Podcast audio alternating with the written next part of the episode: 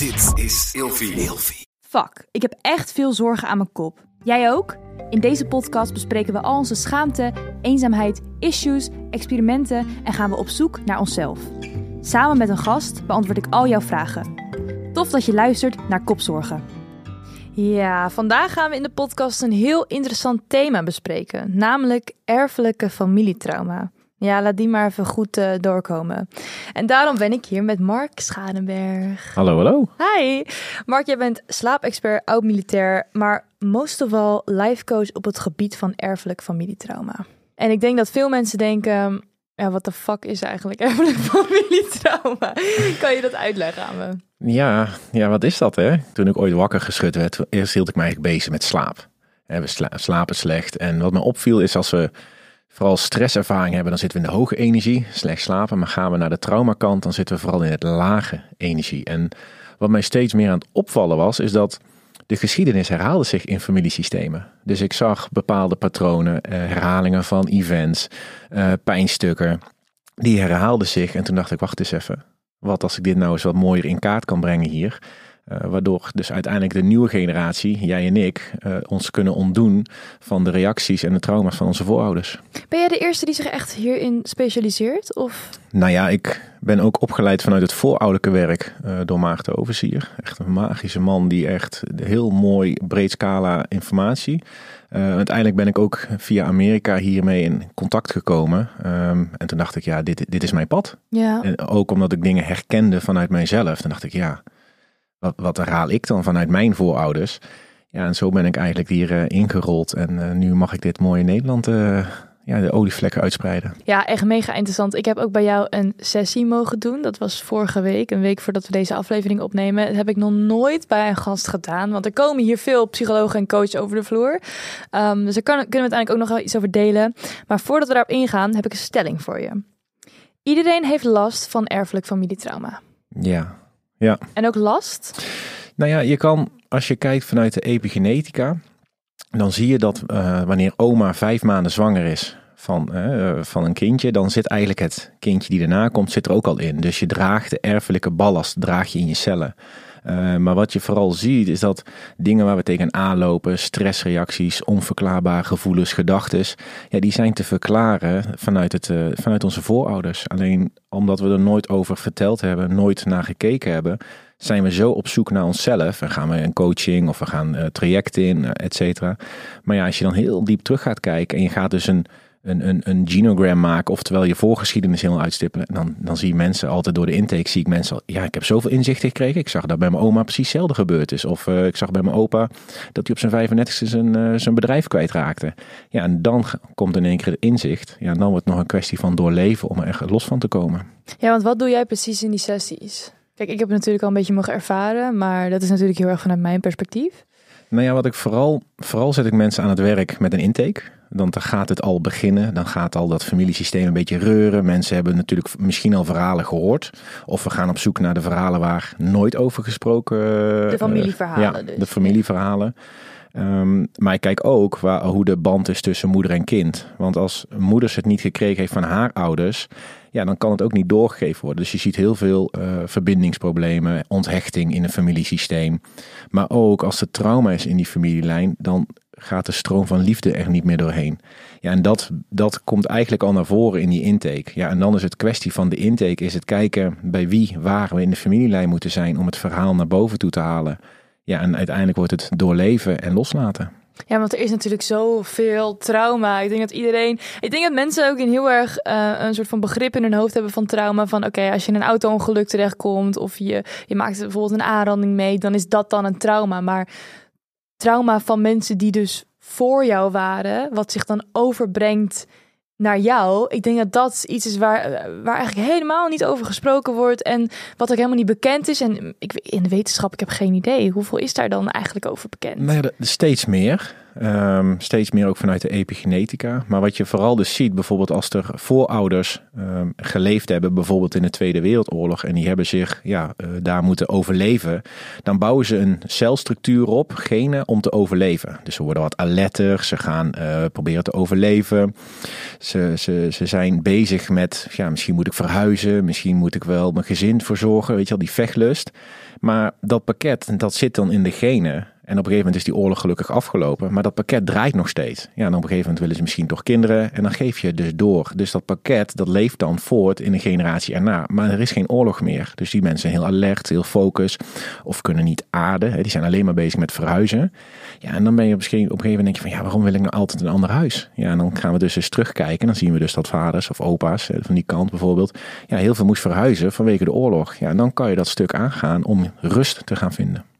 Hoe verklaar je dat, zeg maar? Ik heb, heb je niet veel mensen die bij jou zitten van ja, maar wetenschappelijk gezien of de feiten of, of ja, is dat iets wat gewoon onverklaarbaar is? Want dat is vaak met energie zo, toch? Ik bedoel, ik krijg hier ook heel veel psychologen aan tafel en dat is allemaal heel erg vanuit onderzoek weten we dit. Ja, nou ja, kijk, vanuit onderzoek is nu steeds meer vanuit het epigenetica. Hè? Dus je celdeling geef je door. Dus door trauma verandert je pakket van cellen en genen om te overleven.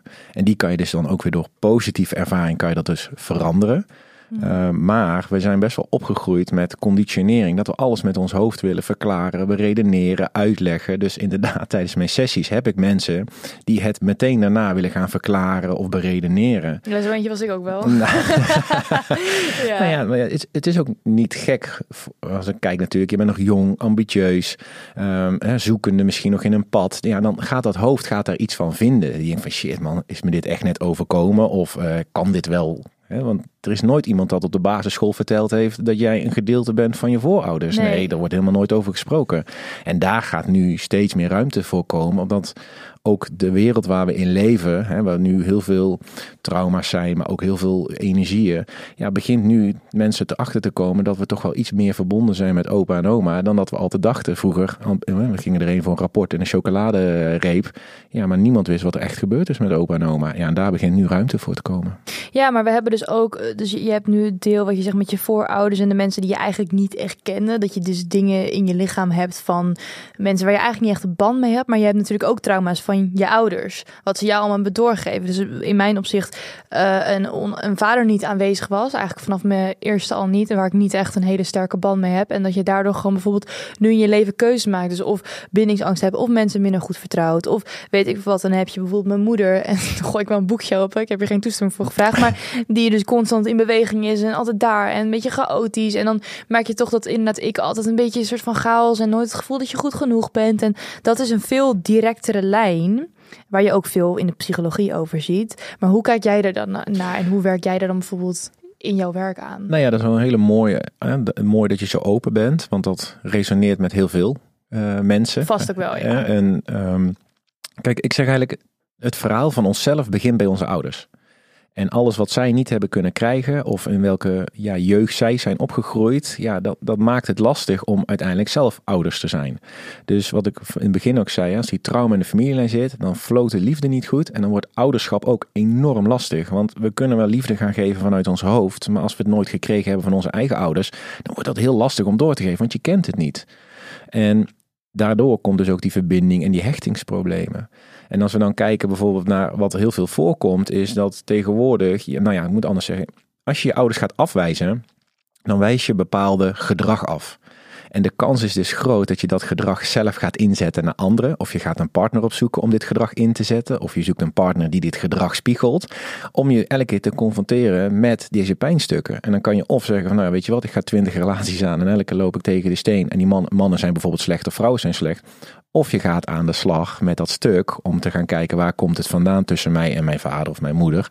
Om uiteindelijk dat patroon te gaan veranderen. Want anders blijf je jezelf in een situatie brengen en elke keer wordt zo'n vinger zo in je zij gedrukt van au, au, au. Ja, en dat vinden we heel lastig, maar we zoeken het niet binnen onszelf dan wel binnen ons familiesysteem. Nee, we gaan heel vaak, ja, maar die vent is een klootzak, is een narcist. Oh, oh. Ja, ja, ja, ja, Nee, die partner komt met pijn op jouw pad. Jij komt met pijn. Daardoor trekken jullie elkaar aan. Ja. ja, en dan wordt het tijd om aan jezelf te gaan werken. Ja, dat hele damage find damage. Maar als jij dus bijvoorbeeld afgewezen bent door een ouder Bedoel je dan dat je een partner aantrekt die jou ook weer op die manier afwijst? Of, of hoe? Nou ja, vaak is het wel het kind die zijn ouders afwijst. Nou ja, je hebt natuurlijk al vaker gehoord waarschijnlijk van ouders geven je het leven. Dus een kind die, die wilt niks liever dat het goed gaat met zijn of haar ouders.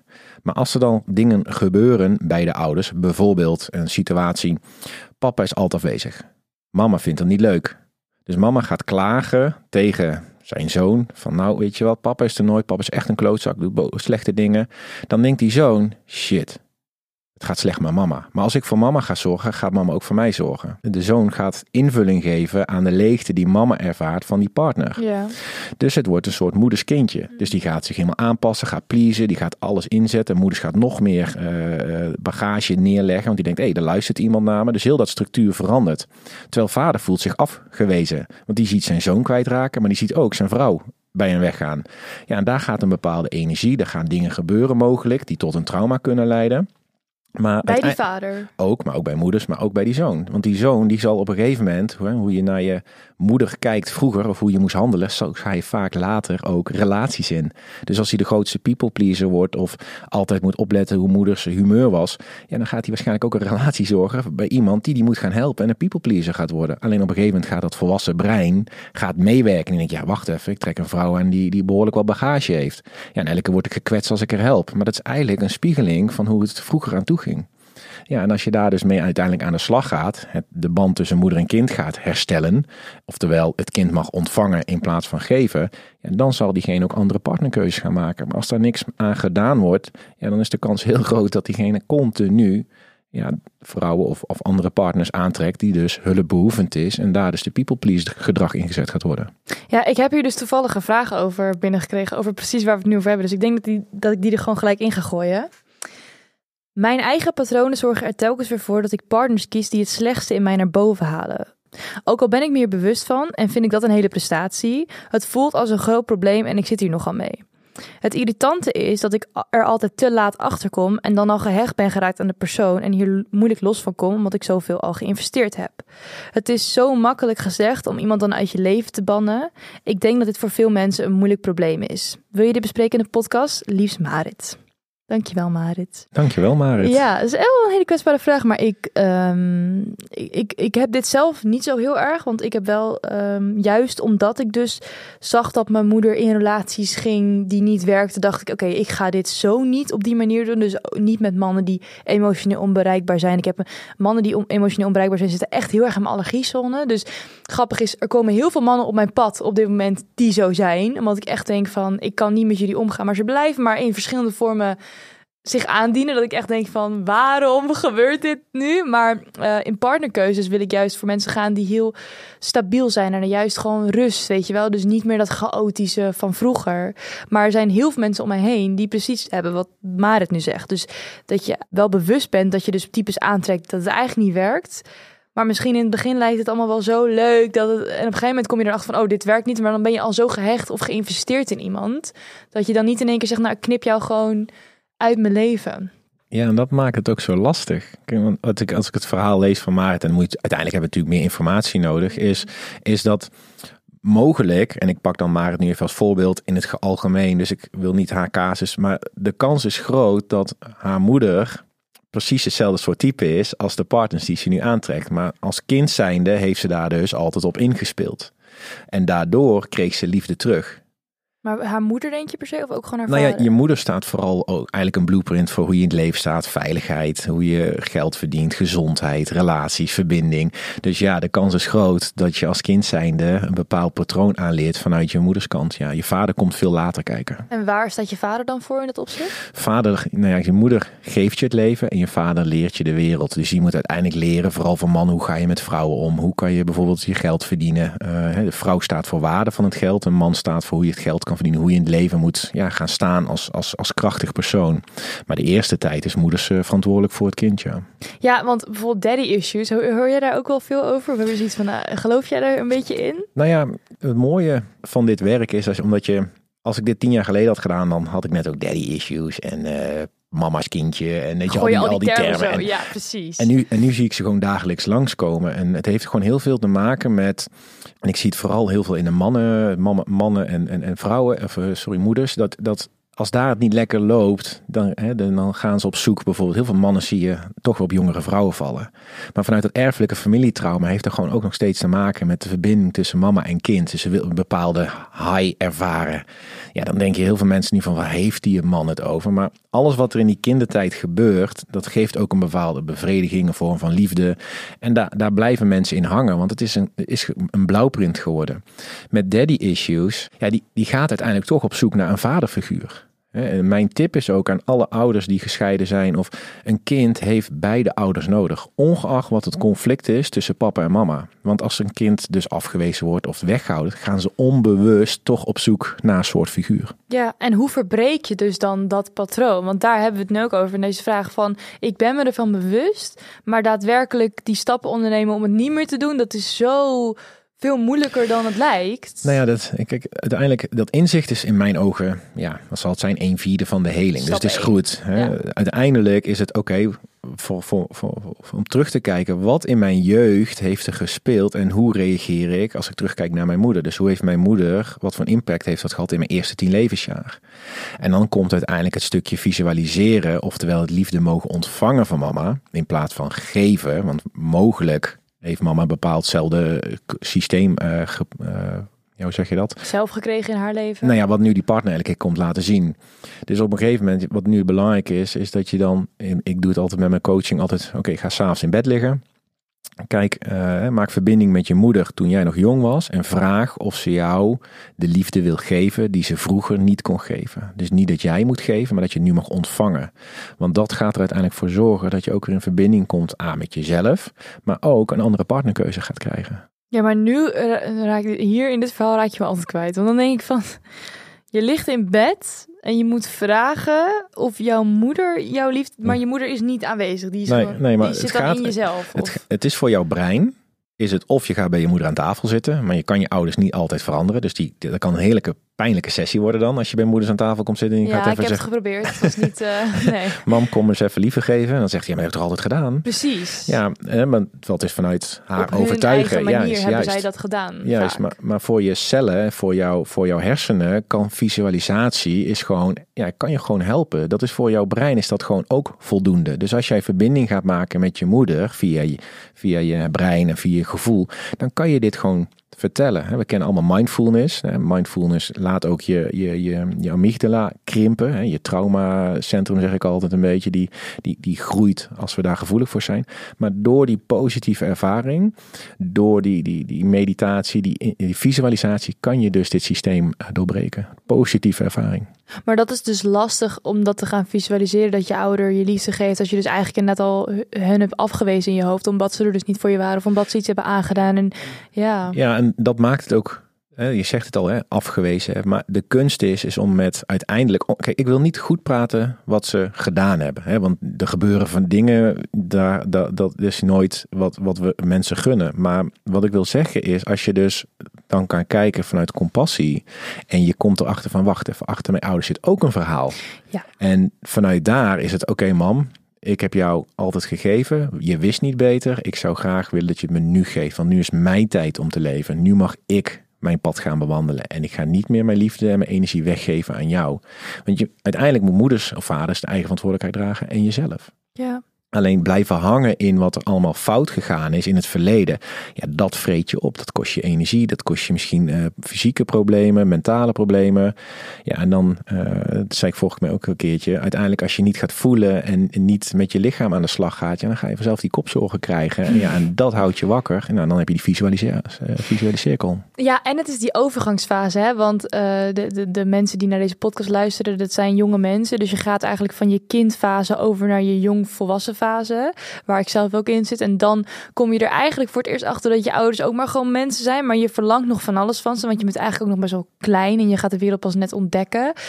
Uh, dus is het eigenlijk zo'n fase dat je eigenlijk gewoon boos wordt. Dat je denkt, Oké, je bent dus gewoon een mens. Jij hebt in mijn ogen gefaald, want je hebt dit en dit en dit niet goed gedaan, waardoor ik nu zo en zo en zo en zo ben. En dan komt er eerst in mijn, ik weet niet of je dit vaker hebt gezien, maar in mijn geval kwam er dan eerst een periode van woede, verzet, fuck jullie en ik, ik wil het beter doen en zo en zo en zo. En op een gegeven moment vreet dat je natuurlijk op. Want je denkt gewoon van ja, zo, dit werkt inderdaad niet. Want je bent niet alleen boos op hun, maar ook op jezelf eigenlijk. Want het, het keert allemaal naar binnen. En toen zelf ben ik in die fase terechtgekomen. Dus dat heeft heel lang geduurd. Maar inderdaad, toch teruggaan naar hun verhaal. En als je dat verhaal ziet, dan denk je eigenlijk van nou zij hebben het pas kut gehad, dan heb ik het in dat opzicht nog niet zo kut gehad, weet je wel. En dat kom, een stukje compassie, uh, zonder dus gelijk alles goed te praten, maar inzien van, oh ja, het zijn ook gewoon mensen en uh, zij kunnen ook niet perfect zijn. Dat heeft mij er wel, dat heeft me zeg maar van binnen rustig gemaakt. Ja, heel mooi dat je dit deelt. En ik denk dat je al heel, heel duidelijk aangeeft wat er, wat er bij ons gebeurt. Je bent jong, je bent afhankelijk van je ouders. Uiteindelijk ga je naar de puberale eh, moment. Dan moet je, moet je je eigenlijk afzetten aan je ouders. Want ja, je gaat al die regels, denk je, ja, dag, weet je wel. Met je, met je voeten niet op tafel of je...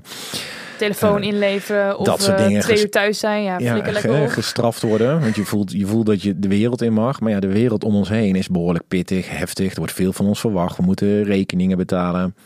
En dan kom je erachter dat je ook dingen niet hebt meegekregen. Maar je hebt ook dingen gezien. Hè? Wat mij heel erg opvalt is dat tegenwoordig ouders niet meer echt liefde aan elkaar laten zien. Weet je wel, de telefoon is tegenwoordig wat interessanter dan laten zien aan een kind hoe knuffelen, kussen en een goed verhaal vertellen is. Mhm.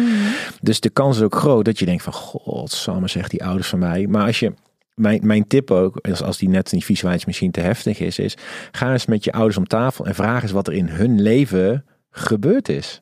Van pap, mam, luister, jullie hebben waarschijnlijk met liefde, maar wat is er eigenlijk bij jullie allemaal in het leven gebeurd? Hoe was jouw opvoeding geweest? En dan zul je zien dat, of er wordt in het begin niet over gesproken, maar ook zij vinden het uiteindelijk fijn om erover te gaan praten. En als je dan hoort van, ja, weet je, mijn moeder was er ook nooit, of ja, pap, zie je, was altijd, mijn vader was altijd werken, want die moest zorgen voor een groot gezin. Ja, daarom heb ik ook maar het beste van gemaakt. Ja. ja en dan kan je als kind steeds meer compassie krijgen.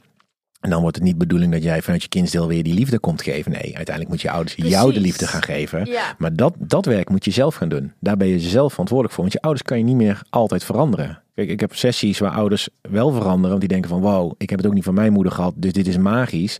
Maar ik heb ook mensen die gewoon geen verbinding meer hebben met moeders. Of moeders is er niet meer. Die is helaas al overleden of vaders. Ja, dan wordt zo'n visualisatie. En daardoor kan je het wel gaan herstellen. Ja, en ik heb ook het idee dat onze generatie, dus nu een beetje mijn leeftijdsgenoten, de, de twintigers van nu, dertigers misschien, dat wij het voor het eerst ook anders gaan doen. Want inderdaad, er, wordt bijna niet over gepraat en wij willen nu gaan praten, want we leren dat bewustzijn. Het is ook een beetje trendy, toch? Een beetje bewustzijn en zelfinzicht. Maar er komt tegelijkertijd ook een hele lading op onze schouders van denk ik dan, dit willen wij onze kinderen niet aandoen, toch? Ja. ja. Dus ook een soort van um, gevoel van het heel goed willen doen. En ik ben echt nog niet bezig met kinderen, maar ik heb wel zoiets van hoe wij het nu anders gaan doen. En dat, dat, dat is toch een soort van vraag van hoe kunnen we het dan anders doen? Nou ja, dat is, wel, dat is wel grappig dat je dat zo zegt. We leven nu in een tijd dat we steeds meer dichter bij onszelf gaan komen. We zijn gewoon gevoelige mensen die alles voelen, die, die erachter zijn gekomen dat hoofd en lichaam één is en niet separate. Um, maar we zien ook dat onze ouders en voorouders uit geconditioneerde regels, misschien wel geloofsovertuigingen, strenge regimes, grote gezinnen. Um, dus we voelen van hé, hey, wacht eens, hier is iets te helen. En dat is ook wat erfelijk familietrauma doet. Dat is ook wat voorouderlijk werk doet. Uiteindelijk wil je zorgen dat je familielijn weer gaat stromen, zodat de generatie daarop niet met al die ballast aan het Precies. dragen is. Dus wat, wat jij voelde en denk ik ook de reden vanuit jouw voorouders of vanuit je familie is, jij bent naar mij toegekomen omdat er er is iets in jouw systeem wat, wat in heling wil, zodat jij dus niet meer terug gaat geven of door gaat geven aan de mogelijke kinderen of kind of kinderen die bij jou mogen komen. Ja. En ja, dat is het mooiste cadeau natuurlijk. Maar ja, hoe doe je dat dan door, door allemaal in coaching te gaan bij voorouderlijke en erfelijk trauma te gaan oplossen? Of is dat ook iets wat je, waar je dagelijks aan kan werken door bijvoorbeeld al te voelen of, of toch in therapie te gaan? Hoe, ja. Kijk, een, mo een mooie, mooie vraag. Uiteindelijk is het leren. Je moet tegen dingen aanlopen en als het pijn gaat doen, dan ga je in, uh, in uh, hoe heet dat? In, in de keuze van ga ik hiermee aan de slag of niet. En in mijn ogen is het stukje slachtofferrol is niet hetgene wat je het meest ver gaat brengen, maar is wel voor heel veel mensen de plek waar ze vastgehouden worden. Dus als jij kiest van weet je wat, ik wil investeren om hiermee aan de slag te gaan, ja, dan zeg ik kies uit wat goed voelt en go. En of je nou kiest voor eerst de ene coaching, daarna de andere coaching. Alles zal een stukje helpen bij uiteindelijk een betere versie van jezelf te worden. Maar uiteindelijk ben je ook nooit uitgeleerd.